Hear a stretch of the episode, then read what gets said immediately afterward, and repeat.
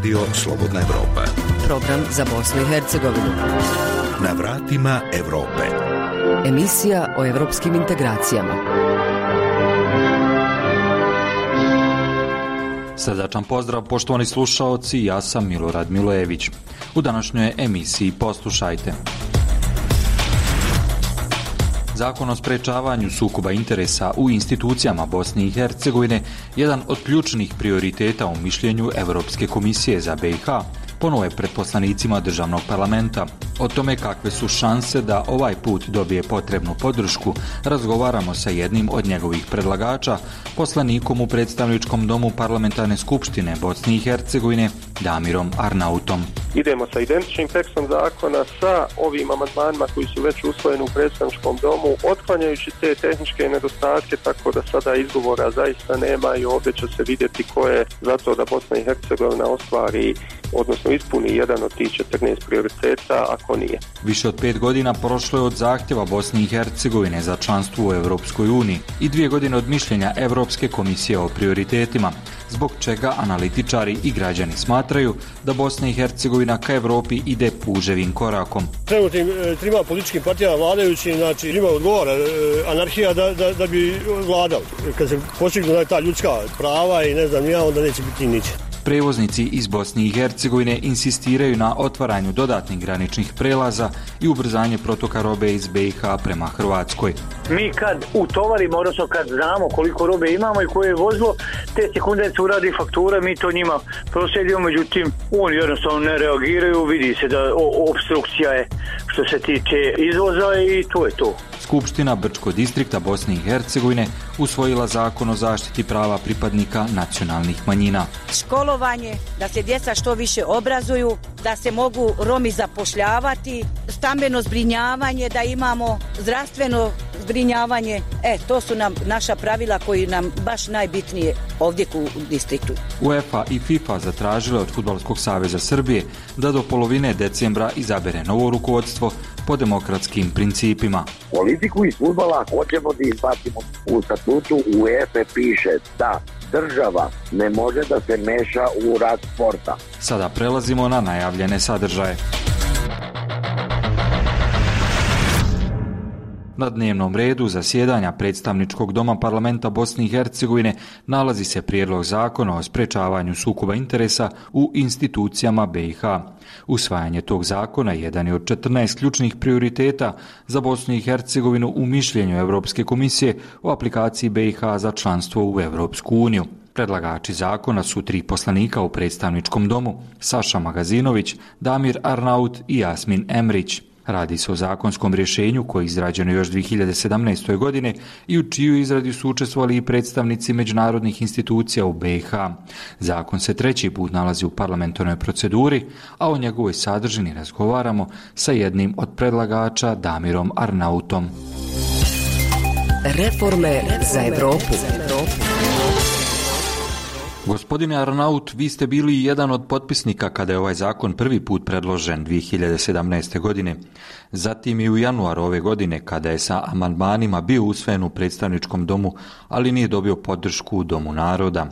Da li se radi o identičnom prijedlogu pred parlamentom Bosne i Hercegovine i može li se očekivati njegovo usvajanje sada s obzirom da nije dobio podršku prethodna dva puta? Pa vidite, sad se radi o identičnom prijedlogu sa amandmanima koje je predstavnički dom usvojio u januaru ove godine. Dom naroda je zaista usvajanje tih amandmana iskoristio kao izgovor da odbaci zakon s obzirom da je bilo nekih, kako je to zakonodan pravni sektor rekao, tehničkih nedostataka, je li uzmajući u obzir da su amandmani predlagani od strane različitih klubova SNSD-a i HDZ-a, ovaj, tako da je došlo, oni su rekli zakon pravni sektor unutrašnjeg nesklada i to je bio izgovor da Dom naroda u suštini ne razmatra zakon, iako postoji mehanizam kako da se to riješi, taj isti mehanizam je primijenjen kad su usvajanje akcize i ovaj put smo uh, ko predlagači ja odlučili da idemo sa identičnim tekstom zakona sa ovim amandmanima koji su već usvojeni u predstavničkom domu, otklanjajući te tehničke nedostatke, tako da sada izgovora zaista nema i ovdje će se vidjeti ko je zato da Bosna i Hercegovina ostvari, odnosno ispuni jedan od tih 14 prioriteta, ako nije. Da li Evropska unija insistira na donošenju identičnog zakona četvrtu godinu kasnije? E, vidite ovako, znači taj zakon smo u prošlom sazivu, znači to je bila grupa od osam predlagača tada, e, pisali nas osam sa Transparency Internationalom i OSCE-om. E, zakon zadovoljava sve e, zahtjeve Europske komisije i njegovo usvajanje bi značilo ispunjavanje jednog od onih 14 prioriteta kada je u pitanju je li ovaj zakon na kojem radi Ministarstvo pravde, Venecijanska komisija ga je prije manje od mjesec dana ocijenila kao čak lošijim od postojećih rješenja i kao takav on sigurno ne može ovaj, ispuniti te uslove. Ja zaista apelujem na uh, predstavnike Europske unije ovdje u Sarajevu, uključujući gospodina Satlera, da uh, rade uh, na promicanju dobrih zakonskih rješenja, a da se ne obaziru na to ko je u datom trenutku vlast, ako opozicija. Jedno od istraživanja koje je sproveo Transparency International u Bosni i Hercegovini pokazalo je da je više od 60 funkcionera na svim nivoima u BiH koji su u direktnom sukobu interesa, odnosno da obavljaju i po nekoliko funkcija. Na koji način bi novi zakon onemogućio ovakve pojave? Pa na način da bi se uveo sistem koji postoji u Republice Hrvatskoj. Ovaj, kogod prati političku scenu u regiji zna da u Republice Hrvatskoj postoji jedno izuzetno moćno tijelo, to njihovo povjerenstvo za odlučivanje o sukobu interesa, koje je samo kad je u pitanju prošla vlada natjeralo čak tri ministra u toj vladi ili da daju ostavke ili da vlada sama reaguje i da ih smijeni upravo zbog sukoba interesa. Dakle, taj jedan mehanizam koji postoji u Republici Hrvatskoj doslovno prepisan u ovom zakonu, tako da ukoliko bi neko bio u sukobu interesa, tijelo koje mi predlažemo kroz ovaj zakon bi osobu natjeralo da odstupi sa funkcije ili bi mu funkcija bila oduzeta ukoliko to odbije to uraditi. Dakle, identična stvar kao u Republici Hrvatskoj i zbog toga je meni posebno nesvatljivo zašto HDZ uporno odbija glasati za ovaj zakon. Jedna od bitnih odredbi u zakonu je uspostavljanje nezavisnog tijela koje bi se bavilo sprečavanjem sukoba interesa, kako bi praktično izgledalo funkcionisanje tog tijela. Tako je, pa mi smo znači ugradili jednu odredbu opet jeli, po modelu Republike Hrvatske. Nije dovoljno samo da donesete potvrdu da zadnjih 10 godina niste bili član političke stranke, ovaj, već je neophodno da član te komisije ne smije biti na bilo kojoj imenovanoj ili zabranoj funkciji u zadnjih deset godina. Znači vi imate ovaj situacije gdje je neko očito vezan za političku stranku, a ispunjava formalni uslov recimo da nije bio član stranke zadnjih, zadnjih deset godina, ovaj, mi bi to kroz ovaj zakon znači onemogućili, to bi bili ljudi koji zaista nisu imali nikakve veze sa političkim životom proteklih deset godina, dakle profesionalci koji bi uglavnom jel, dolazili iz redova sudija, advokata i tako dalje, ovaj dakle i nešto nešto poput odnosno identično poput ovog rješenja u Republici Hrvatskoj. Neke od zamjerki na tekst zakona koje su se mogle čuti nakon nedobijanja podrške u Domu naroda Bosne i Hercegovine prošle godine bile su da ne prati ustavne nadležnosti te da je postavljen preširoko, također i da se njime onemogućava rad svima koji su u kontaktu sa osobom iz politike. Kako komentarišete te primjedbe? Dakle, to da ne prati ustavne nadležnosti ne stoji apsolutno zato što to se te primjedbe su odnosile jeli na to da ukoliko ste funkcionije na državnom nivou ne možete obavljati funkcije ni na entitetskim nivoima. Oni koji su iznosili te primjedbe nisu izgleda svjesni da trenutni zakon koji sada imamo također propisuje iste te zabrane Prema tome, ne, apsolutno je bespredmetno govoriti o, o, o nedostatku ustavnih nadležnosti s obzirom da je to recimo jedna stvar koja postoji čak i u trenutnom zakonu. Da li predloženi amandmani uz prijedlog zakona slabe njegove odredbe? Ne, mi smo naprotiv, mi smo ovaj, bili zaista otvoreni za saradnju sa svim političkim strankama i tako smo u konsultacijama sa OSCE-om i Transparency Internationalom prihvatili čak sedam amandmana koje su ponudili SDA, HDZ i SNSD koji su bili prihvatljivi koji su, jeli, po našem mišljenju nisu slabili ovaj zakon, kada ne samo po našem mišljenju, već također po mišljenju OSCE-a i Transparencija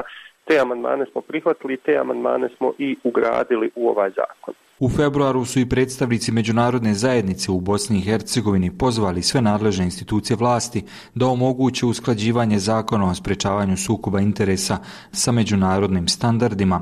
Taj zakon nalazi se i među 14 ključnih prioriteta za Bosnu i Hercegovinu.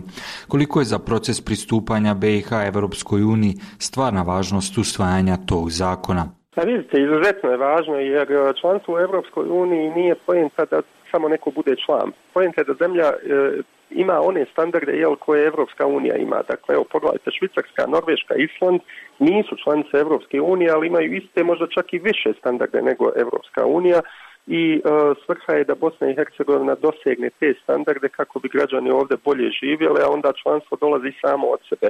Dakle, ja zaista ovaj, stalno apelujem na predstavnike Evropske unije da ne daju kandidatski status vlasti koja ne želi da ispuni te standarde.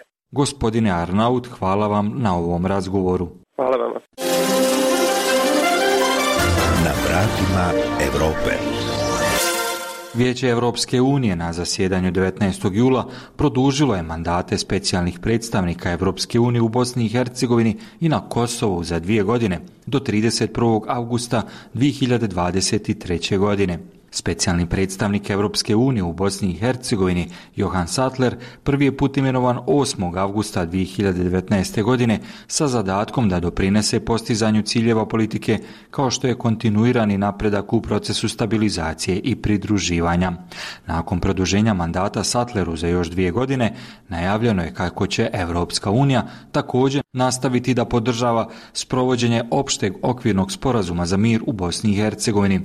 U kampanji Europa je već ovdje i vrijeme je za Europu u delegaciji Europske unije u BiH podsjetili su da je ove godine navršeno pet godina od zahtjeva BiH za članstvo u Europskoj uniji i dvije godine od mišljenja Europske komisije o prioritetima koje treba ispuniti kako bi se ostvario napredak. Arnes Grbešić ispitao je zbog čega analitičari i građani smatraju da Bosna i Hercegovina ka Europskoj uniji ide puževim korakom. Takav tempo odgovara predstavnicima vlasti u Bosni i Hercegovini, kaže politička analitičarka iz Banja Luke Tanja Topić.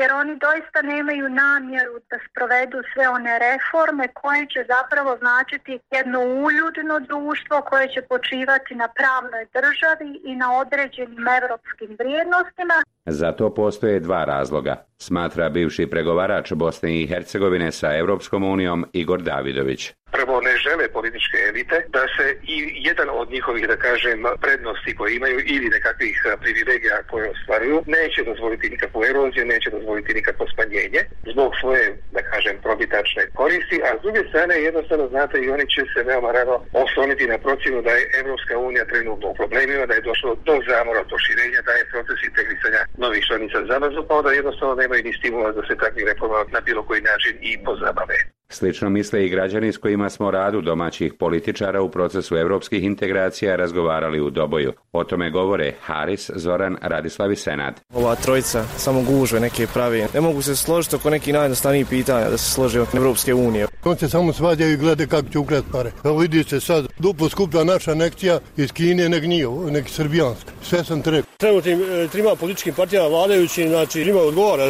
anarhija da, da, da bi vladal. Kad se postignu ta ljudska prava i ne znam ja, onda neće biti niće. To su ljudi koji su došli radi sebe i svoje familije. Oni ne vide narod. Domaći političari istovremeno često ističu da se zalažu za ulazak Bosne i Hercegovine u Europsku uniju, o čemu Tanja Topić kaže. To je klasično obmanjivanje i javnosti i zvaničnika Europske unije. To je ona priča koja je prijemčiva za uho kako i građana, kako i zvaničnika Europske unije. Prije pet i po godina Bosna i Hercegovina je podnijela zahtjev za ulazak u Europsku uniju, dok je prije dvije godine Europska komisija pred domaće političare postavila 14 uslova za pregovore o članstvu. Pravila su jasna i neće se mijenjati, navodi Igor Davidović. Do nas je da se presaberemo i da vidimo na koji način, kada i u kom roku, koliko od svega toga možemo ispuniti i da napravimo nekakav svoj red vožnje da bismo znali kad se čemu možemo nadati realno. U Europskoj uniji ne postoji zainteresovano za proširenje. Za kandidatski status pred ovo vijeće ministara postavljen je novi uslov, izmjene izbornog zakona. Tako je na posljednje kritike europskih zvaničnika o nedovoljnom napretku za dobijanje kandidatskog statusa odgovorio predsjedavajući vijeća ministara Bosne i Hercegovine, Zoran Tegeltije, ponovo Igor Davidović i Tanja Topić. To da vam kažem novi uslov, to je jedan od uslova koji je hronično svima poznat, ali se njegovo ispunjenje očekuje. Misli se naravno na implementaciju presude u slučaju Sejdić Finci i sa svim onim posljedičnim izmjenama izbornog zakona.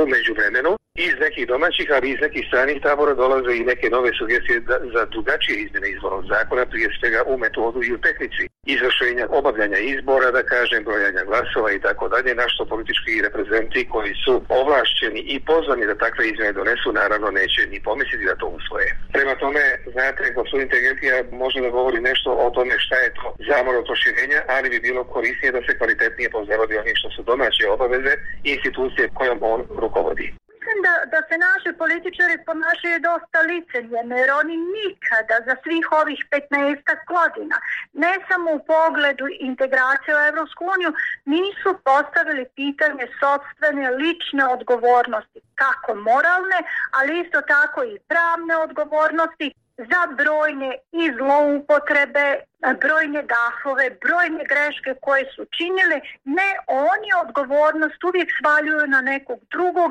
na pitanje o proaktivnijem pristupu domaćih političara u procesu europskih integracija Bosne i Hercegovine, njen bivši glavni pregovarač sa Europskom unijom, Igor Davidović, odgovorio je ovako. Što se tiče bosansko-hercegovačke strane ne očekuje nikakav proaktivni nastup jer jednostavno svi oni koji su godinama u obavezi da se takvom proaktivnom pričom pozabave do sada to nisu radili i njima u nekom interesu to i nije. Eventualno nekada u izbornoj kampanji će ponovno da se prisjete toga da smo opredeljeni za članstvo u Europskoj uniji, ali u principu nakon takvih retoričkih izjava neće Bog za mnogo ni učiniti. Za radio Slobodna Evropa iz Doboja, Arnes Grbešić. Slušate program radija Slobodna Evropa. Imamo zajedničku viziju. Slijedimo svoju misiju. Profesionalno, informativno, zanimljivo. Radio Slobodna Evropa. Mada je ministar vanjske trgovine i ekonomskih odnosa Bosne i Hercegovine Staša Košarac nakon razgovora sa glavnim državnim inspektorom Republike Hrvatske Andrijom Mikulićem izjavio kako će hrvatski organi biti fleksibilni i olakšati BH izvoznicima tranzit roba biljnog porijekla, u praksi se skoro ništa nije promijenilo. Višesatna čekanja na svega dva granična prelaza na kojima je dozvoljen tranzit roba biljnog porijekla i dalje su realnosti i bit će tvrde BH izvoznici sve dok se ne produži radno vrijeme fitosanitarnih inspektora sa hrvatske strane granice, odnosno otvore bar još dva prelaza. Priča Azre Bajrić. Rezultatima razgovora ministra vanjske trgovine i ekonomskih odnosa BiH Staše Košarca sa glavnim državnim inspektorom Hrvatske Andrijom Mikulićem, na osnovu kojih je neophodno 24 sata ranije najaviti dolazak kamiona i preciznu specifikaciju robe, izvoznici nisu zadovoljni. Nermin Bašić iz Velike Kladuše, vlasnik jedne od većih izvoznih firmi, kaže kako su se najavljivali i ranije.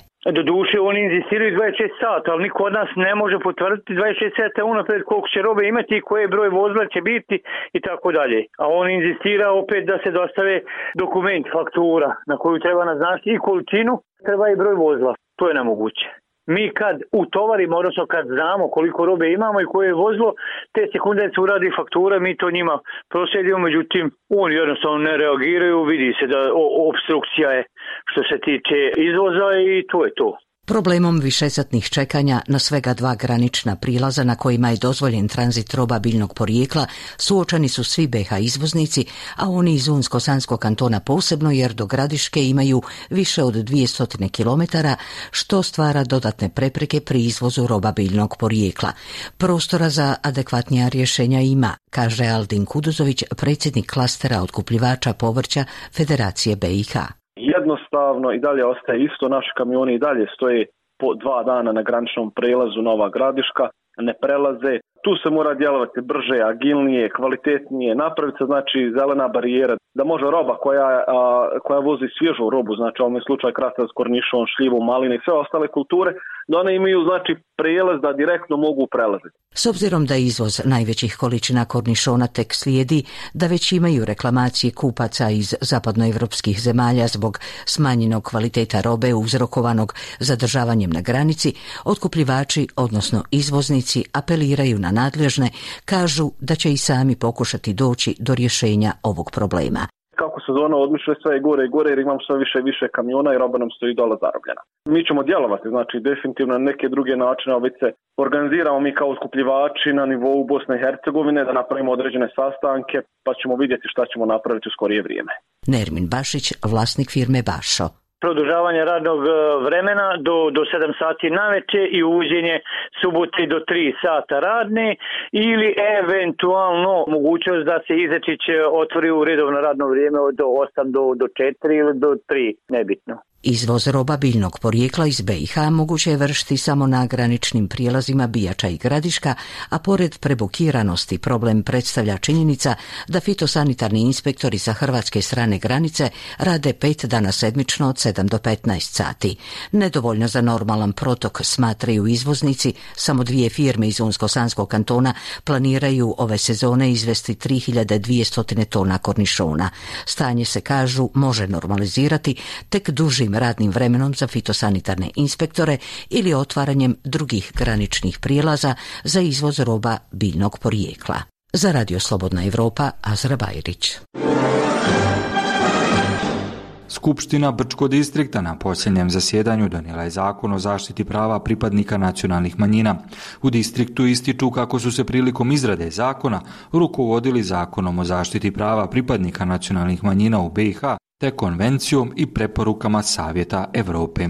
Zoran Matkić. Zakonom se prije svega definira status nacionalnih manjina, a njime su priznate sve nacionalne manjine koje su priznate i u Bosni i Hercegovini. Zakon predviđa formiranje vijeća nacionalnih manjina, tijela koje će se brinuti o nacionalnim manjinama, kako po pitanju propisa koji se donose, tako i po pitanju ostvarivanja postojećih prava. Alija Denjagić, predstavnik Turske nacionalne manjine u Skupštini Bačkog distrikta. Imamo Sjedinjene nacionalne manjine, imamo Savjet nacionalne manjina, imamo Makedonce, Crnogorce i najveću populaciju romsku nacionalnu manjinu koja egzistira u velikom broju u distrikta, gdje imaju svog zastupnika direktno u Skupštini distrikta. Proces pravnog pozicioniranja pripadnika nacionalnih manjina sukladan je europskim standardima. Denjagić je optimista da će implementacija donesenog zakona poboljšati položaj nacionalnih manjina na brčanskom području. Mislim da bi trebalo daleko, daleko u boljem položaju da se ovaj, nacionalne manjine nađu nego možda u nekim prethodnim periodima.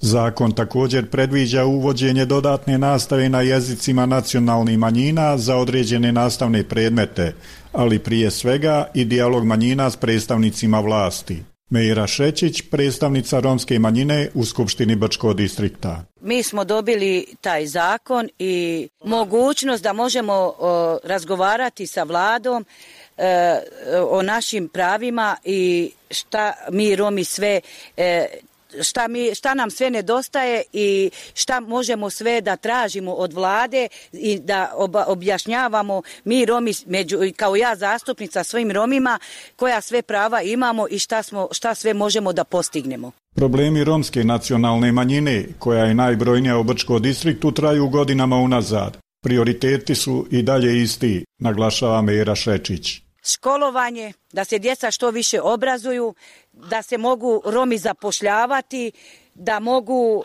stambeno zbrinjavanje, da imamo zdravstveno zbrinjavanje. E, to su nam naša pravila koji nam baš najbitnije ovdje u distriktu. Pripadnicima nacionalnih manjina u Brčko distriktu donesenim zakonom jamči se i omogućava ostvarivanje svih prava i sloboda propisanih okvirnom konvencijom za zaštitu nacionalnih manjina Vijeća Europe. Za Radio Slobodna Europa iz Brčkog distrikta Zoran Matkić. Slike svakodnevnice šta muči ili inspiriše mlade kako prošle političke odluke utiču na našu budućnost. Ove i druge teme slušajte u podcastima Radija Slobodna Europa. Sve epizode pronađite na iTunesu, Spotify, Google podcastima, kao i na slobodnaevropa.org. Slušajte odmah ili preuzmite epizodu za kasnije. Tu smo svakog dana. Podcast i radija Slobodna Evropa. I za kraj jedna tema iz regije. Europska futbalska unija, UEFA i Svjetska futbalska federacija FIFA zatražile su od Futbalskog saveza Srbije da do polovine decembra izabere novo rukovodstvo po demokratskim principima bez upliva politike.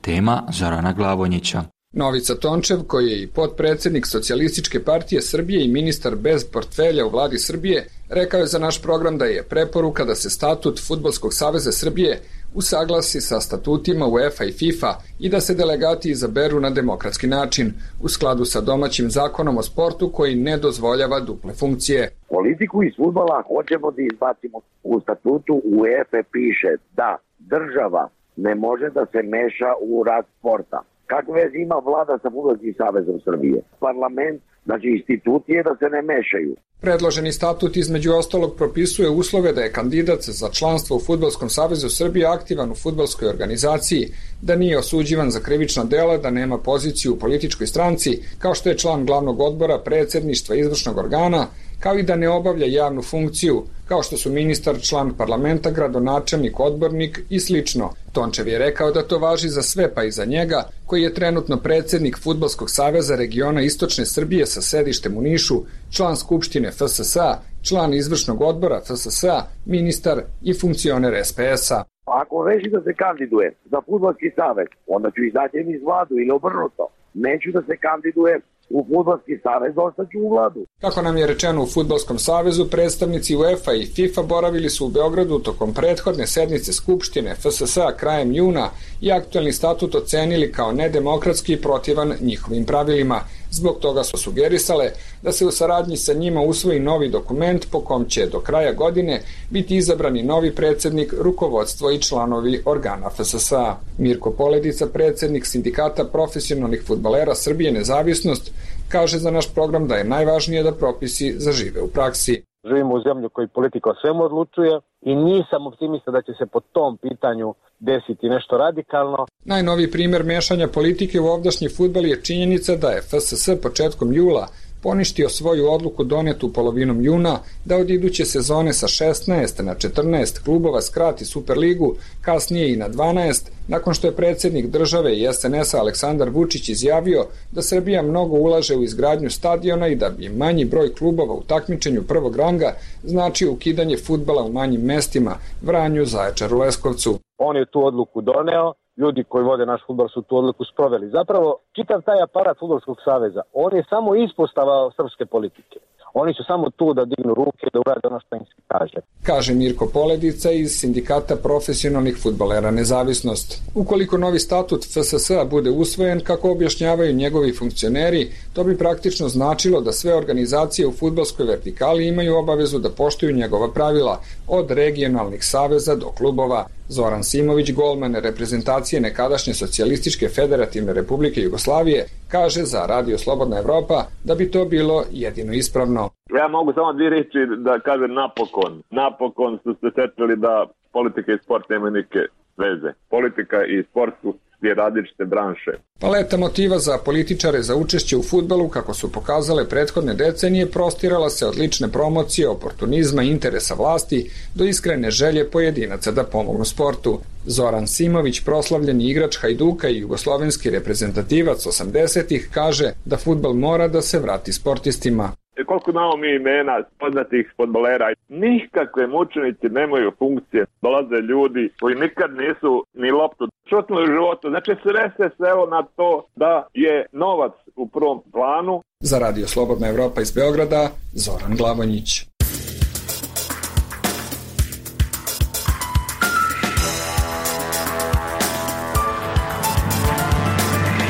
I bilo bi to sve za ovaj put. Pratite zanimljive sadržaje Radija Slobodna Evropa i dalje putem Radio Talasa i naše web stranice slobodnaevropa.org na kojoj možete pronaći i podcaste za viri ispod površine, glasom mladih i između redova. Ove podcaste možete pronaći i na Facebooku i Twitteru, Spotify, Google podcastu i iTunesu. Pozdravljaju vas Svetlana Petrović i Milorad Milojević.